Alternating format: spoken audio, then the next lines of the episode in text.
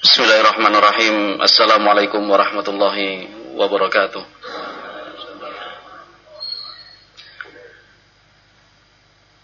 Innal hamdalillah nahmaduhu wa nasta'inuhu wa nastaghfiruh. Wa na'udzu billahi min shururi anfusina wa min sayyiati a'malina. Man yahdihillah fala mudilla wa man yudlil fala hadiya lah. أشهد أن لا إله إلا الله وحده لا شريك له وأشهد أن محمدا عبده ورسوله صلى الله عليه وعلى آله وصحبه وسلم تسليما كثيرا قال ربنا جل وعلا في القرآن الكريم يا أيها الذين آمنوا اتقوا الله حق تقاته ولا تموتن إلا وأنتم مسلمون فإن أصدق الحديث كتاب الله وخير الهدى هدى نبينا محمد صلى الله عليه وسلم وشر الأمور محدثاتها فإن كل محدثة بدعة وكل بدعة ضلالة وكل ضلالة في النار معاشر المسلمين رحمكم الله wonten papan menika ing wekdal menika. Monggo kita sedaya nyuwun dumateng Allah Subhanahu wa taala. Mugi kula panjenengan sedaya tansah pinaringan rahmah barokah taufik. Nyuwun dumateng Allah Subhanahu wa taala ingkang sampun ngempalaken kita sedaya ing papan menika mugi Allah Subhanahu wa taala nggih ngempalaken kita sedaya wonten surga. Allahumma amin. Salawat salam boten kesupen monggo kita unjuaken dumateng Nabi Muhammad sallallahu alaihi wasallam. Ingkang sampun paring petunjuk, bimbingan, arahan liyukhrijan nas minadh dhulumati ilan nur membawa umat manusia saking alam kegelapan menuju alam yang penuh dengan cahaya dan terang benderang. Ma'asyiral muslimin rahimakumullah. Wulan menika wulan Muharram, nggih. Wulan Muharram. Wulan surah nggih. Wulan pertama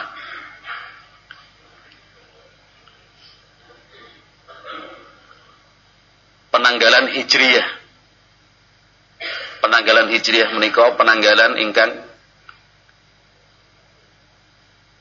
hitunganipun Qamariyah bulan nggih.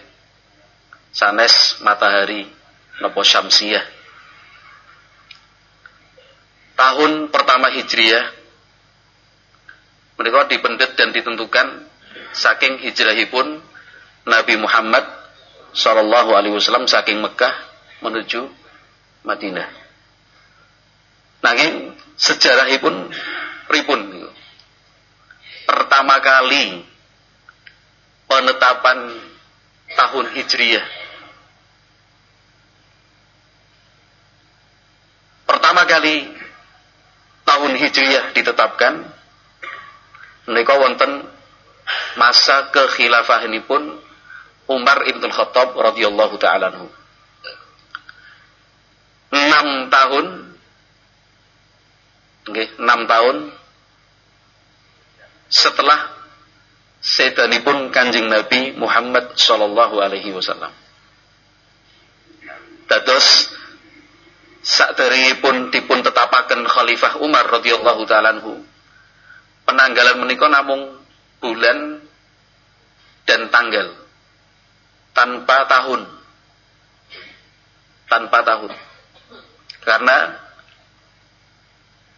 tahun itu selalu dikaitkan dengan peristiwa besar. Tahun gajah. Karena pada waktu itu ada serangan dari pasukan bergajah Abraha. Tahun Fathu Makkah, tahun Fathu Mekah. Karena pada tahun tersebut kota Mekah berhasil dikuasai oleh umat Islam. Tahun pembangunan Ka'bah, tahun ini, tahun ini dan seterusnya. Sehingga tereng ngagem angka dan bilangan tahun berapa, tahun berapa, tahun berapa. Hingga suatu saat salah seorang gubernur Islam yang mereka sahabat Abu Musa al-Ash'ari radhiyallahu taala sahabat Abu Musa al-Ash'ari berkirim surat nulis serat dipun tujuakan Khalifah Umar Ibn Khattab radhiyallahu taala usul sekaligus mempertanyakan surat-surat saking Khalifah Umar terkadang membingungkan. Kenapa? Tanpa tahun. Oke, tanpa ta tahun. Kalau bulan dan tanggal sampun. Karena nama-nama bulan yang kita kenal sekarang itu juga sudah dikenal di zaman jahiliyah dan di zaman awal-awal Islam Muharram, Sofar, Rabiul Awal, Rabiul Thani, Jumadil Awal, Jumadil Thani, Rajab, Sya'ban, Ramadan, Syawal, Dzulqa'dah, Dzulhijjah. Nami-nami wulan menika nggih sampun dipun kenal kalian bangsa Arab. Tetapi tahunnya belum.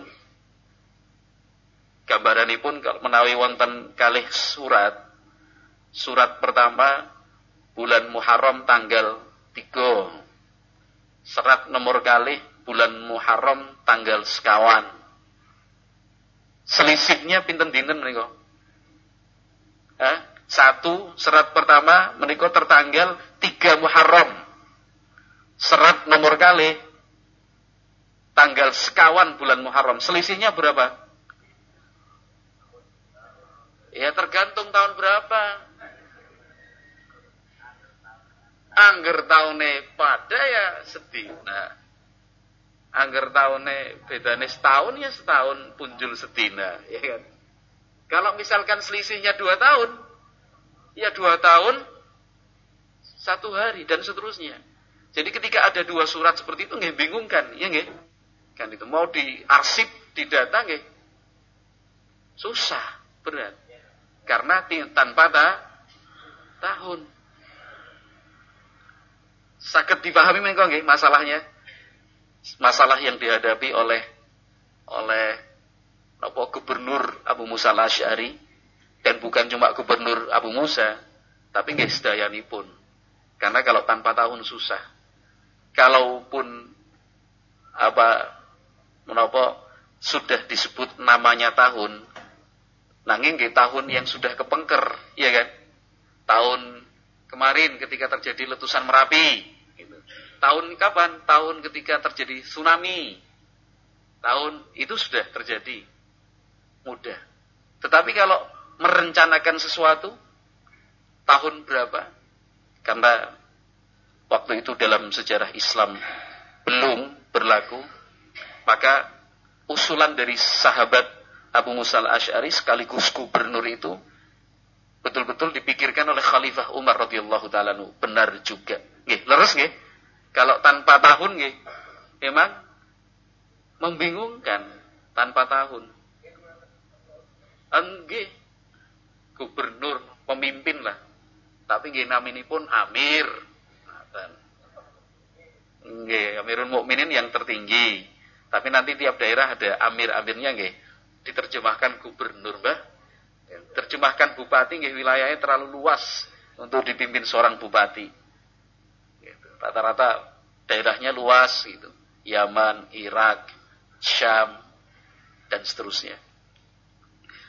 Lajeng sahabat Umar bin Khattab radhiyallahu taala kedah menindaklanjuti, nggih. Tidak mungkin itu dibiarkan terus-menerus. Akhirnya Khalifah Umar bin Khattab ngempalakan sahabat-sahabat senior. Sahabat-sahabat yang senior yang tertua, yang paling tinggi ilmunya, yang paling banyak pengalamannya. ada sahabat Uthman, Ali, Sa'ad bin Abi Waqqas, lan sanes-sanesipun, sahabat-sahabat senior. Minta saran, memusyawarahkan pripun. Wonten ingkang usul, ya tanggal eh, tahun pertama itu dimulai dari miladin Nabi. Tahun lahirnya Nabi. Kan itu. Tahun lahirnya Nabi bukan Masehi. Maksudnya tahun pertama di dalam Islam itu dimulai pada saat Nabi Muhammad SAW lah, lahir. Kan itu. Berarti kalau itu penetapannya berarti sekarang tahun berapa? Ya tambah swidak telu. Kalau misalkan disepakati waktu itu bahwasanya penetapan tahun Islam dimulai diwiwiti awit Nabi alaihi salatu wasallam itu lahir, berarti kan tambah berapa kurang lebihnya 63. Ada lagi yang usul. Itu. Uh, yang lain, usulan-usulan yang lain banyak sekali. Tetapi akhirnya pun disepakati bahwa tahun Islam, tahun Hijriyah akhirnya disebut itu dimulai diwiti saking apa? Hijrahipun Nabi Muhammad Sallallahu Alaihi Wasallam saking Mekah ke Madinah. Berarti hitungan penanggalan Islam waktu itu mundur berapa tahun? Dari hari penetapannya. Mundur enam tahun.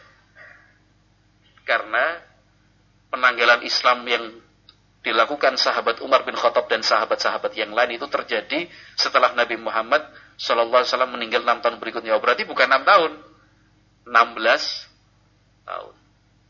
Iya kan? Karena dimulai sejak hijrah, iya kan? Nabi Muhammad hijrah, tinggal di Madinah berapa tahun? 10 tahun. Kemudian penetapannya itu 6 tahun setelah Nabi Muhammad wafat. Abu Bakar As-Siddiq memerintah 2 tahun, Kemudian empat tahun berikutnya di masa pemerintahan Umar barulah penetapan tanggal Islam sehingga disebut dengan hijriyah, hijri, hijrah. Kan itu ditentukan dengan hijrah Nabi Muhammad Wasallam.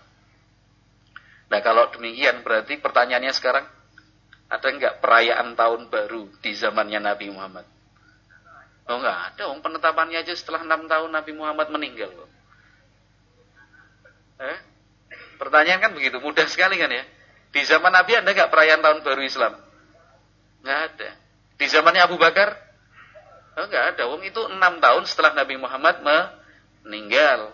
Berarti sahabat Abu Bakar gak sampun situ. Di zamannya Umar? Nggak ada juga. Setelah digawe juga nggak ada. Setelah dibuat juga tidak ada. Ya itu. Kan itu. Karena apa? Ya karena apa terpengaruh terpengaruh dengan budaya dan adat di lain tempat. Akhirnya diadakanlah perayaan-perayaan seperti itu. Maka ma'asyiral muslimin jamaah Masjid Az-Zuhud rahimakumullah setelah kita mengetahui sami mengertos sejarahipun penanggalan Hijriyah sejarahipun penanggalan Hijriyah. Alhamdulillah kita bersyukur kepada Allah Subhanahu wa taala. Karena Nabi Muhammad sallallahu alaihi wasallam sudah menjelaskan apa yang harus kita lakukan di bulan Muharram sebagai bulan pertama di dalam is Islam. Bulan Muharram itu disebut Muharram, suci, dihormati. Bulan haram. Di dalam Islam ada 12 bulan. Allah berfirman dalam Al-Quran, Inna iddatas syuhuri indallahi ithna asyara syahran fi kitabillah yawma khalaqas samawati wal arda minha arba'atun hurum. Sesungguhnya hitungan bulan di sisi Allah itu ada 12. Dalam satu tahun ada berapa bulan? 12 bulan. Yauma khalaqas samawati wal arda. Itu sudah Allah tetapkan sejak menciptakan langit dan bumi. Minha ar arba'atun hurum. Dari 12 bulan ini ada 4 bulan haram. Apa saja 4 bulan haram itu? Tiga berderet, yang satu terpisah. Tiga yang berderet itu apa? Zul Qa'dah, Zul Hijjah, Muharram. 11, 12, 1. Bulan 11, bulan 12, bulan 1. Itu kan berturut-turut ya, 11, 12 masuk ke 1. Zul Qa'dah, Zul Hijjah, Muharram. Yang keempat bulan Roh, Rajab. Rajab. Bulan Rajab. Nah, sejak dulu bangsa Arab menghormati bulan-bulan ini sehingga tidak boleh ada peperangan. Tidak boleh ada pertempuran di sana. Masing-masing menahan diri walaupun mereka sering perang dan bertempur, tapi kalau sudah bulan haram masuk, maka itu apa? Hari tenang. Tidak boleh melakukan peperangan, pertempuran dan seterusnya. Nah, ma'asyiral muslimin rahimakumullah. Bulan pertama di dalam Islam jadi bulan Muharram. Bulan Muharram. Keutamaan pun kathah. Salah satunya Allah Subhanahu wa taala menisbatkan bulan itu pada dirinya. Sehingga disebut dalam sebuah riwayat Syahrullahi Al-Muharram. Bulannya Allah yang dihormati dan disucikan. Dinisbatkan kepada Allah Subhanahu wa taala menunjukkan bulan ini adalah bulan yang punya kedudukan yang sangat tinggi di dalam Islam. Sehingga kita sebagai umat Islam ya harus mengerti keutamaan-keutamaan apa saja yang ada di bulan Muharram itu. Yang paling terpenting, Ma'asyiral muslimin, jamaah Masjid Az-Zuhud rahimakumullah inggih menika siap siap wonten bulan Muharram terutama pada tanggal 10 Muharram. Dipun sebat siam Asyura. Asyura, Asyarah. 10 gitu ya. Asyura. Yang ke-10 puasa 10. Ya mungkin surah itu ya dari situ ya. Barangkali puasa surah. Tapi aslinya adalah Asyura, bulan 10. Okay. Nabi Muhammad alaihi salatu wasallam ngendika wonten riwayat Muslim rahimahullah laisa siyamun afdal min syahril Muharram. Atau kama qala Nabi sallallahu alaihi tidak ada puasa yang keutamaannya lebih dibandingkan puasa di bulan Muharram. Lajeng dipun fahami para ulama ingkang dipun maksud kalian Nabi Muhammad SAW puasa secara umum di bulan Muharram. Itu punya keutamaan yang tinggi besar yang banyak. Tetapi lebih khusus lagi pada bulan eh, pada tanggal 10 tanggal 10 yang disebut dengan Yaum Ashura. Secara khusus Nabi Muhammad alaihi salatu wasallam nerangangkan ngendika bahwa siapa yang berpuasa pada hari Ashura, hari Muharram, maka Allah Subhanahu wa taala akan menggugurkan kesalahan-kesalahannya setahun penuh sebelumnya. Tertarik napa mboten menika? Nggih tertarik, pun tertarik, semangat nggih. Jangan sampai terlewatkan.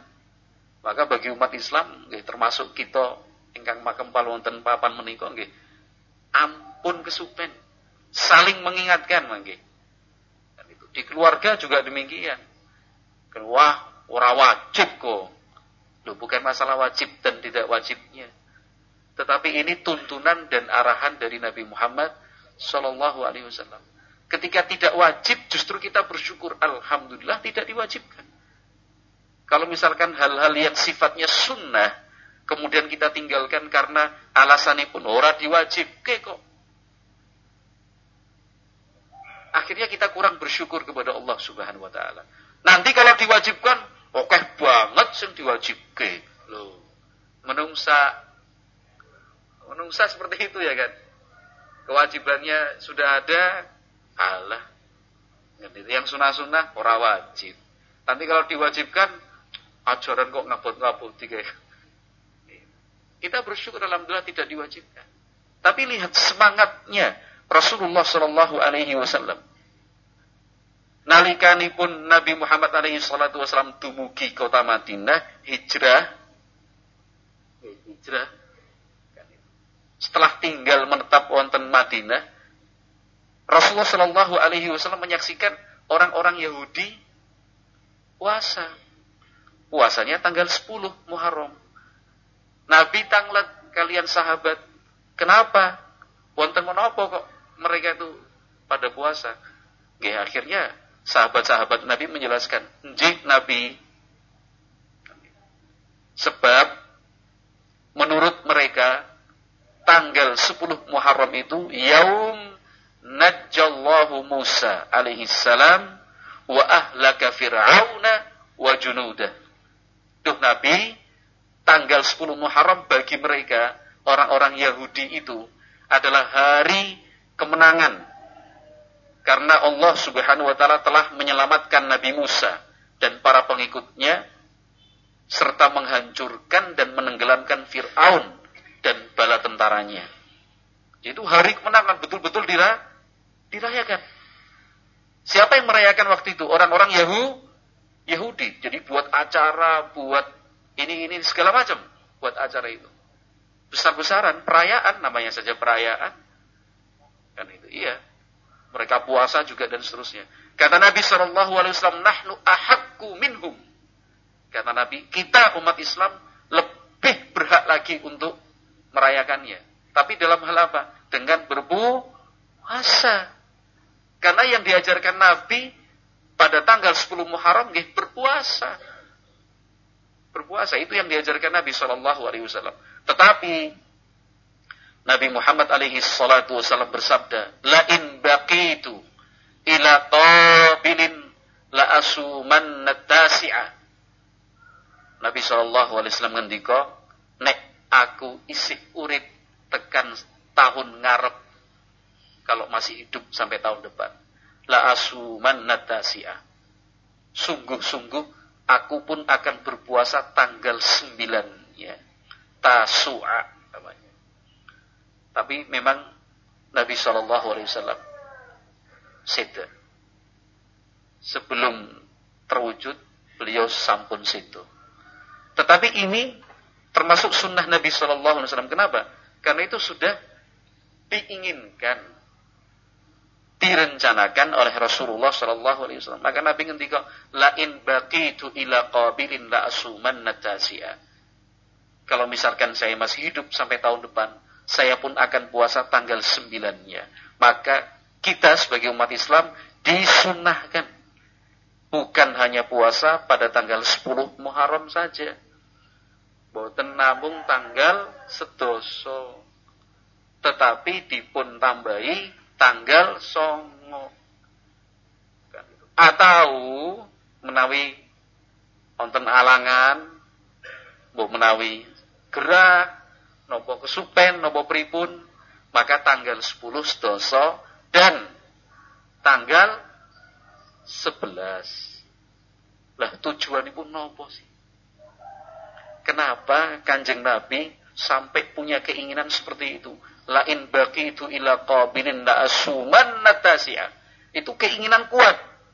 Karena bahasa ingkang dipun agem Nabi Shallallahu Alaihi Wasallam itu bahasa yang kuat sekali.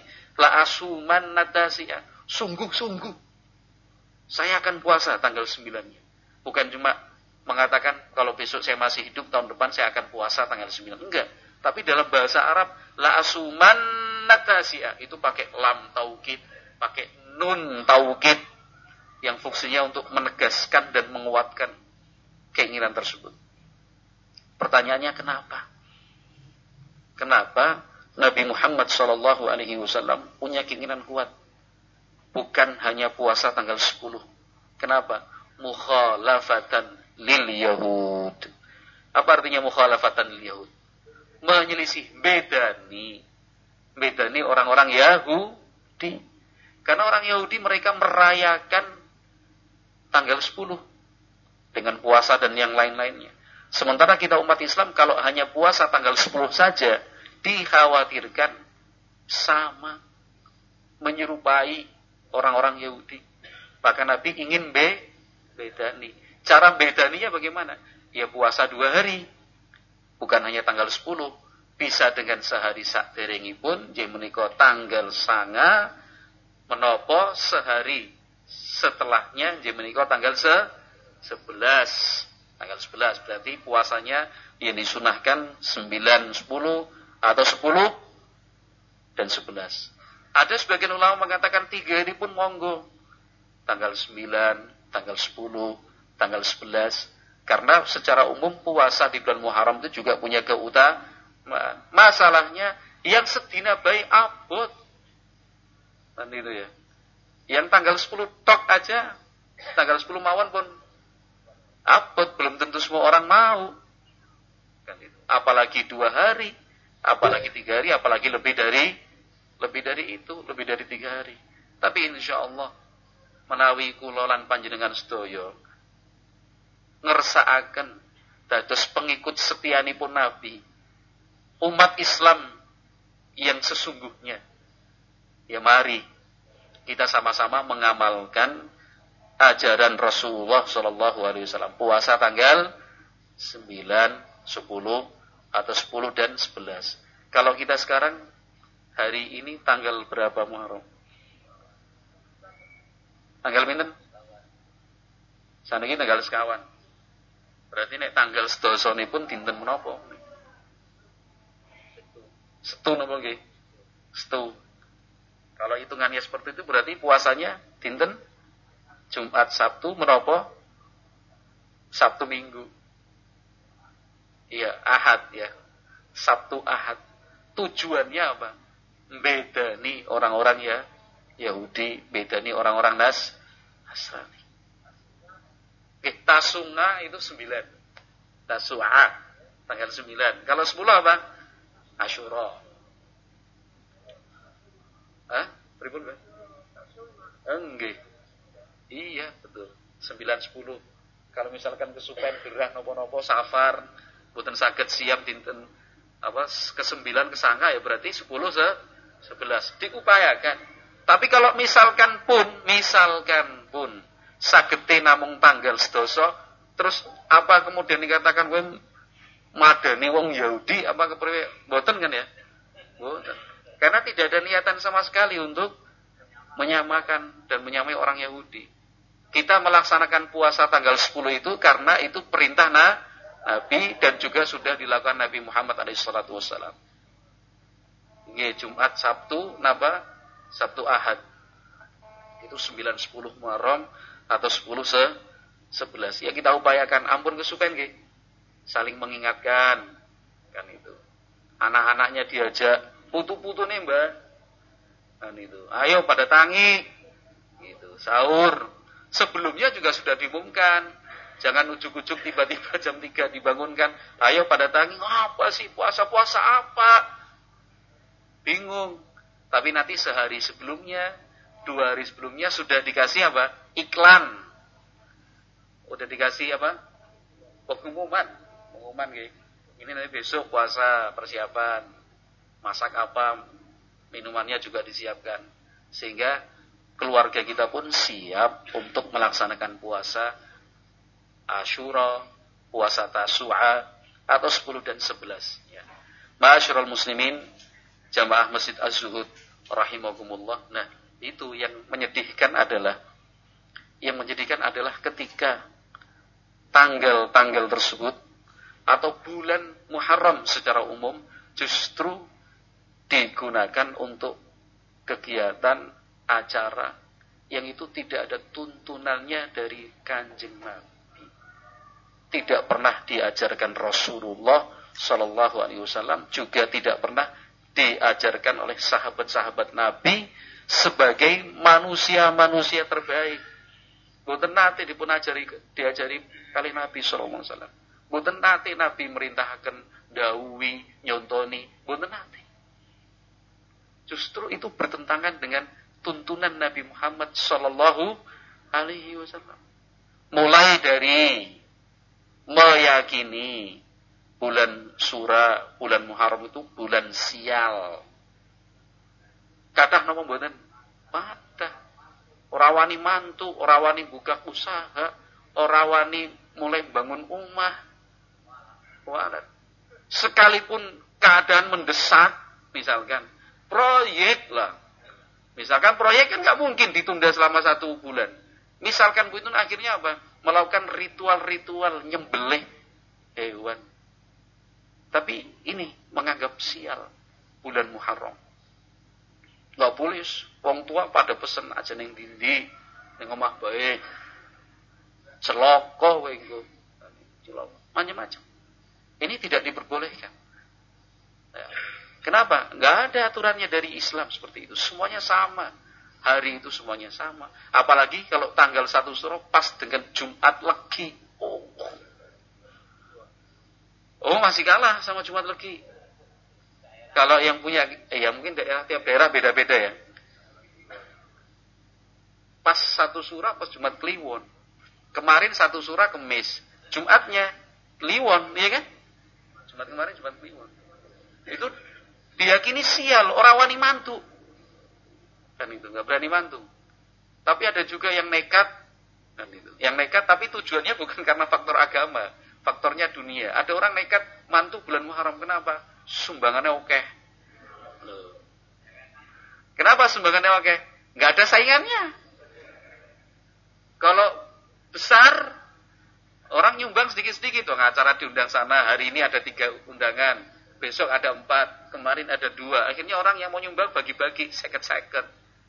Tapi ada, tapi itu tadi, tujuannya ternyata apa? Du, dunia semantune haram baik surah. Kenapa? Sumbangannya oke. Tapi sekali lagi tujuannya ternyata bukan tujuan agama. Tujuannya ternyata apa, Du? Iya. Ini tidak diperbolehkan. Termasuk dalam kategori tiaroh namanya.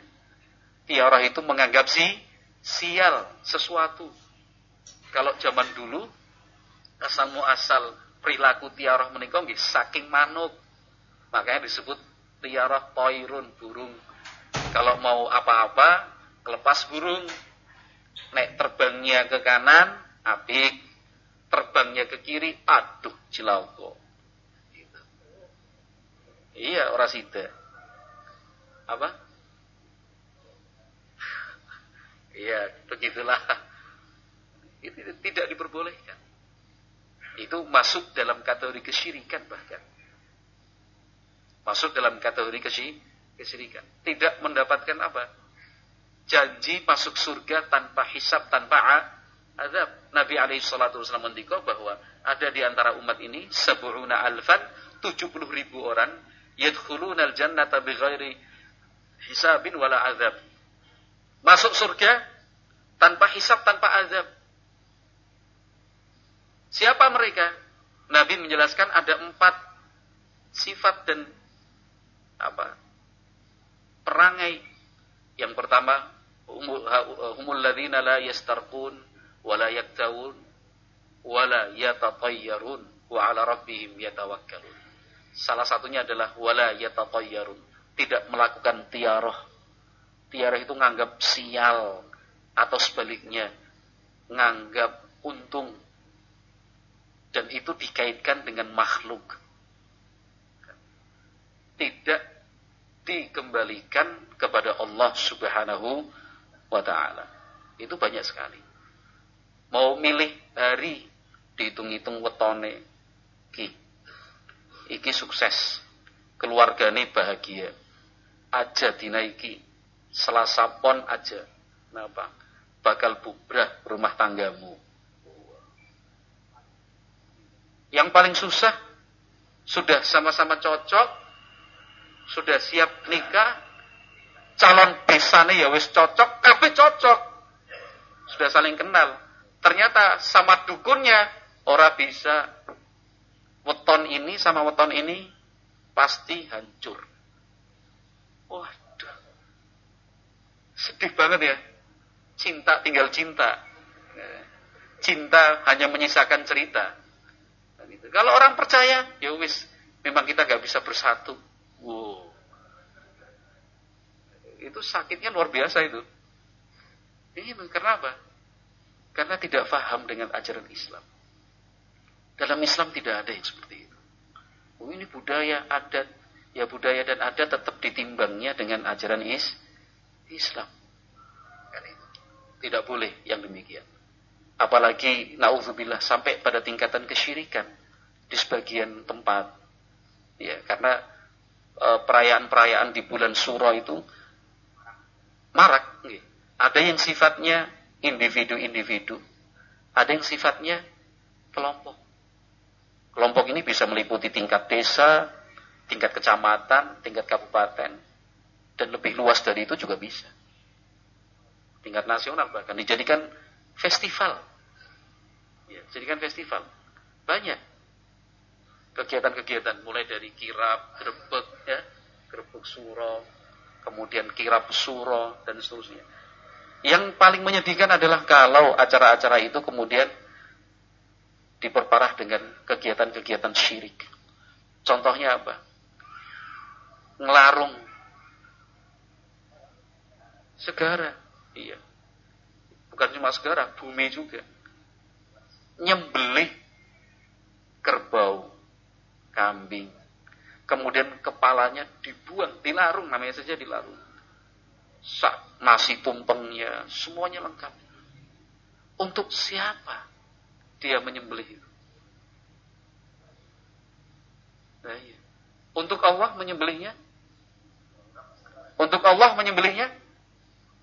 Dun, Ya dongane bismillah. Tapi tujuannya buat siapa? Macam-macam. Yang jelas bukan untuk Allah subhanahu wa ta'ala. Bukan untuk Allah subhanahu wa ta'ala. Itu di banyak tempat. Nyembelih.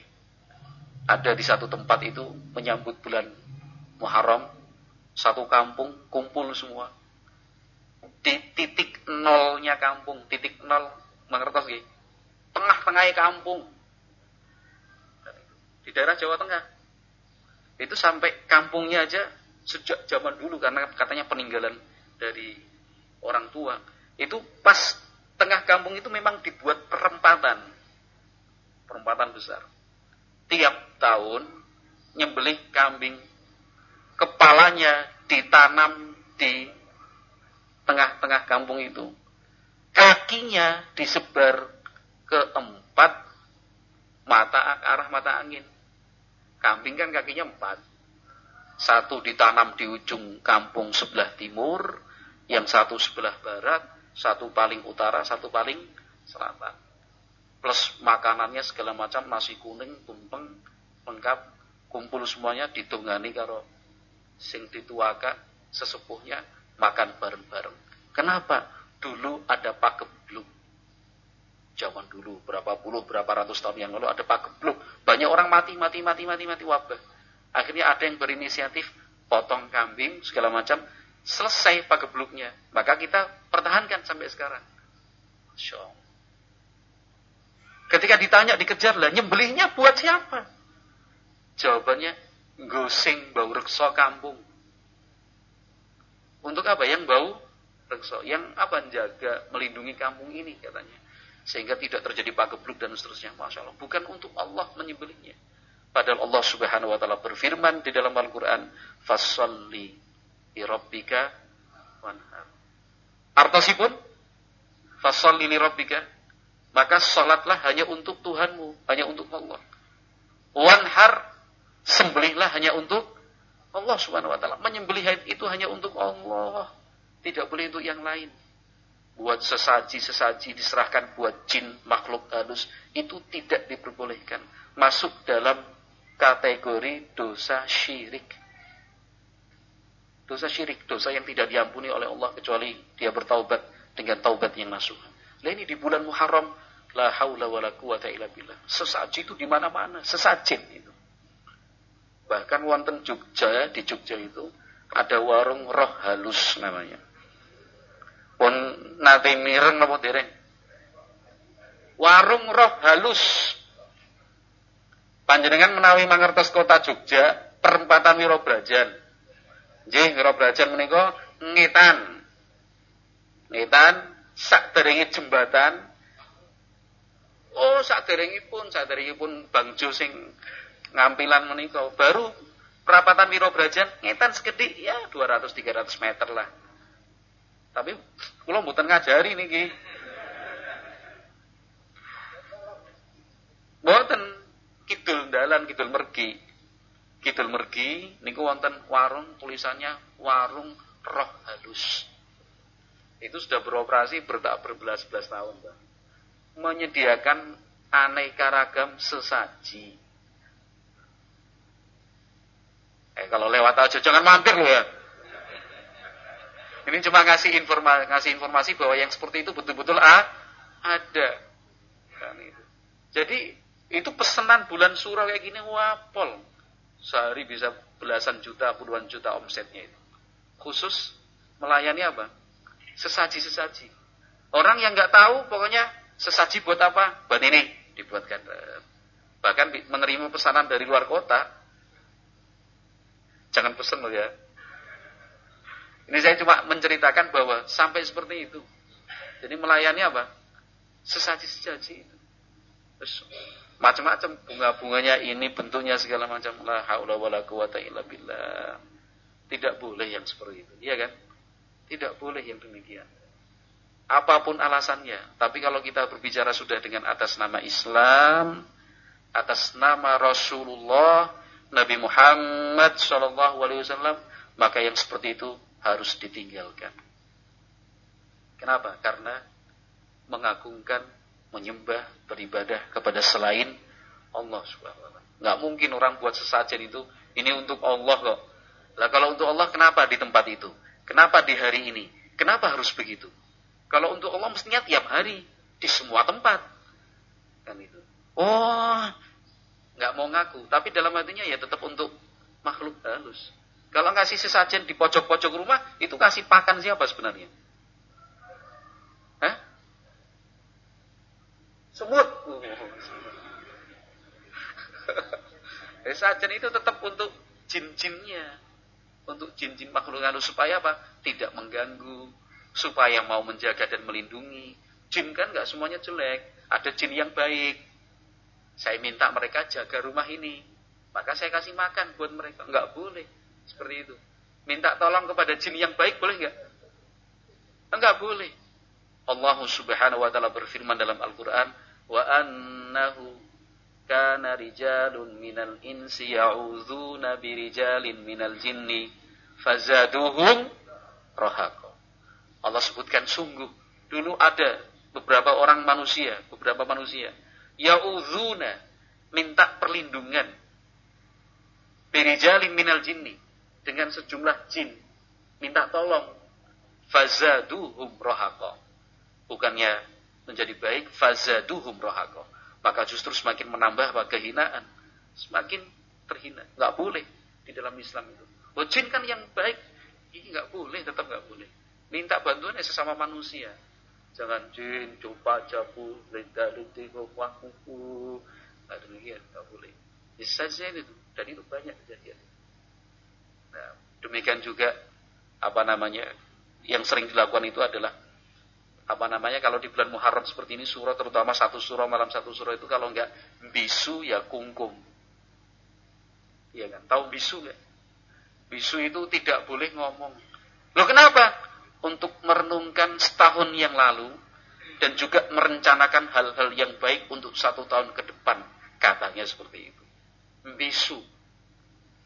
Maka sampai ada kegiatan topom bisu mubeng beteng.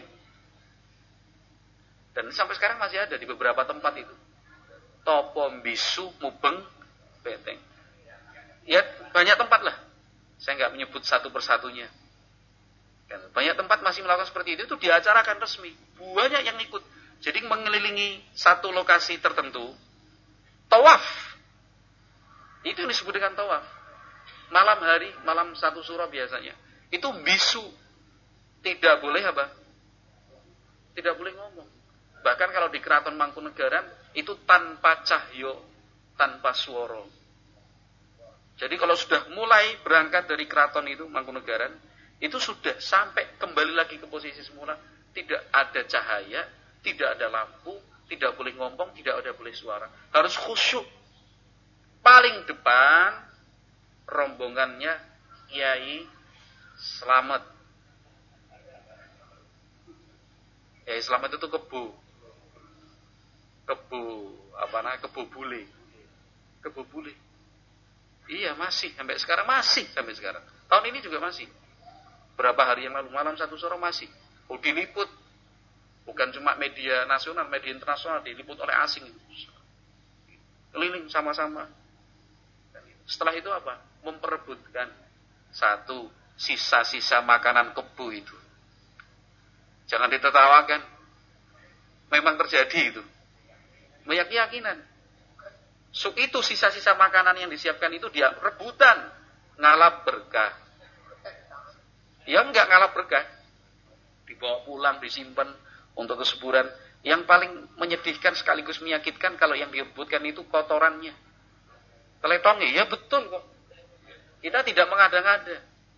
Yang oleh mereka yang masih berpikir dengan baik, akal sehatnya masih digunakan, waras, ya. tidak bisa menerima yang seperti itu. Apa hubungannya? Selain itu yang diperebutkan adalah air sisa jamasan pusaka rebutan air itu. Pusakanya dicuci, dibersihkan setahun sekali. Nah, sisa airnya itu diperebutkan. La haula wala quwata illa Ngalah berkah. Iya. Dan seperti itu banyak sekali ngalap-ngalap berkah pada bulan-bulan seperti ini. Kita masih ingat sebuah hadis Rasulullah, hadis Abi Sa'id, hadis Abi Waqid Al-Laitsi radhiyallahu taala Setelah Fathu Mekah menuju Hunain pasukan Islam bergerak dipimpin Rasulullah Sallallahu Alaihi Wasallam lewat sebuah pohon. Iya, kata sebagian waktu itu yang baru saja masuk Islam tentunya ya. Mereka mengatakan ya Rasulullah, ij'al lana dzata anwat kama lahum anwat. Wahai Rasulullah, buat dan tetapkanlah untuk kami pohon anwat seperti orang-orang musyrikin juga punya pohon anwat. Jadi orang-orang musyrikin, orang-orang musyrik zaman itu dulu punya pohon yang diyakini bisa memberikan berkah. Yanubu nabiha aslihatahum. Jadi sering senjata-senjata yang digunakan untuk perang dan berkelahi itu digantungkan di pohon itu. Karena diyakini kalau pedang, tombak, busur panahnya, lembingnya, perisainya itu digantungkan di sana selama beberapa waktu, itu bisa memberikan berkah, tuah, keramat, ampuh Sekti. Itu cuma apa? Digantung aja, disimpan di situ. Ngalap berkah dari pohon. Ketika berangkat ke Hunain, ada sejumlah kaum muslimin pasukan waktu itu mengatakan kepada Nabi, wahai Nabi, tolong buatkan kami juga pohon seperti yang dimiliki orang-orang musyrikin itu. Kan itu. Apa kata Nabi alaihissalam? Allahu Akbar. Allahu Akbar. Nabi Muhammad bertakbir, Allahu Akbar. Inna sunan. Apakah kalian ingin mengatakan kama qala banu Israel li Musa, ij'al lana alihatan kama lahum alihah? Orang-orang Bani Israel dulu pernah mengatakan, "Hei Musa, buatkan untuk kami sesembahan-sesembahan sebagaimana mereka juga punya sesembahan-sesembahan. Jangan cuma satu aja, tapi banyak." Itu diingkari oleh Rasulullah Shallallahu alaihi wasallam. Mereka yang ingin apa? Ngalah ber, berkah dari pohon itu diingkari oleh Rasulullah Shallallahu Alaihi Wasallam. Maka kita pun yakin kalau ngalah berkah dari sisa makanan kebu, apalagi kotoran dan teletongnya, air sisa jamasan pusakanya, itu diyakini bisa memberikan berkah tidak sesuai dengan ajaran Rasulullah Shallallahu Alaihi Wasallam. Tidak boleh yang seperti itu. Dan itu terjadi. Alhamdulillah di satu sisi kita bersyukur, nggih, bersyukur kepada Allah karena sudah mengerti hal ini sehingga tidak melakukannya. Di sisi yang lain, mari kita mendoakan supaya saudara-saudara kita pun mendapatkan hidayah dari Allah Subhanahu wa taala. Bisa menjalankan Islam sebagaimana yang diajarkan oleh Rasulullah Shallallahu alaihi wasallam. Mudah-mudahan bulan Muharram tahun ini adalah bulan Muharram yang Allah berikan kelapangan buat kita untuk banyak-banyak beribadah dan beramal saleh Mudah-mudahan bulan Muharram ini benar-benar kita hormati, kita sucikan sebagaimana tuntunan syar'i, tidak berlebih-lebihan. Wallahu a'lam bishawab. Mungkin ini yang bisa saya sampaikan. Semoga bermanfaat. Subhanakallahumma wa bihamdik asyhadu an la ilaha illa anta astaghfiruka wa atubu ilaik. Assalamualaikum warahmatullahi wabarakatuh.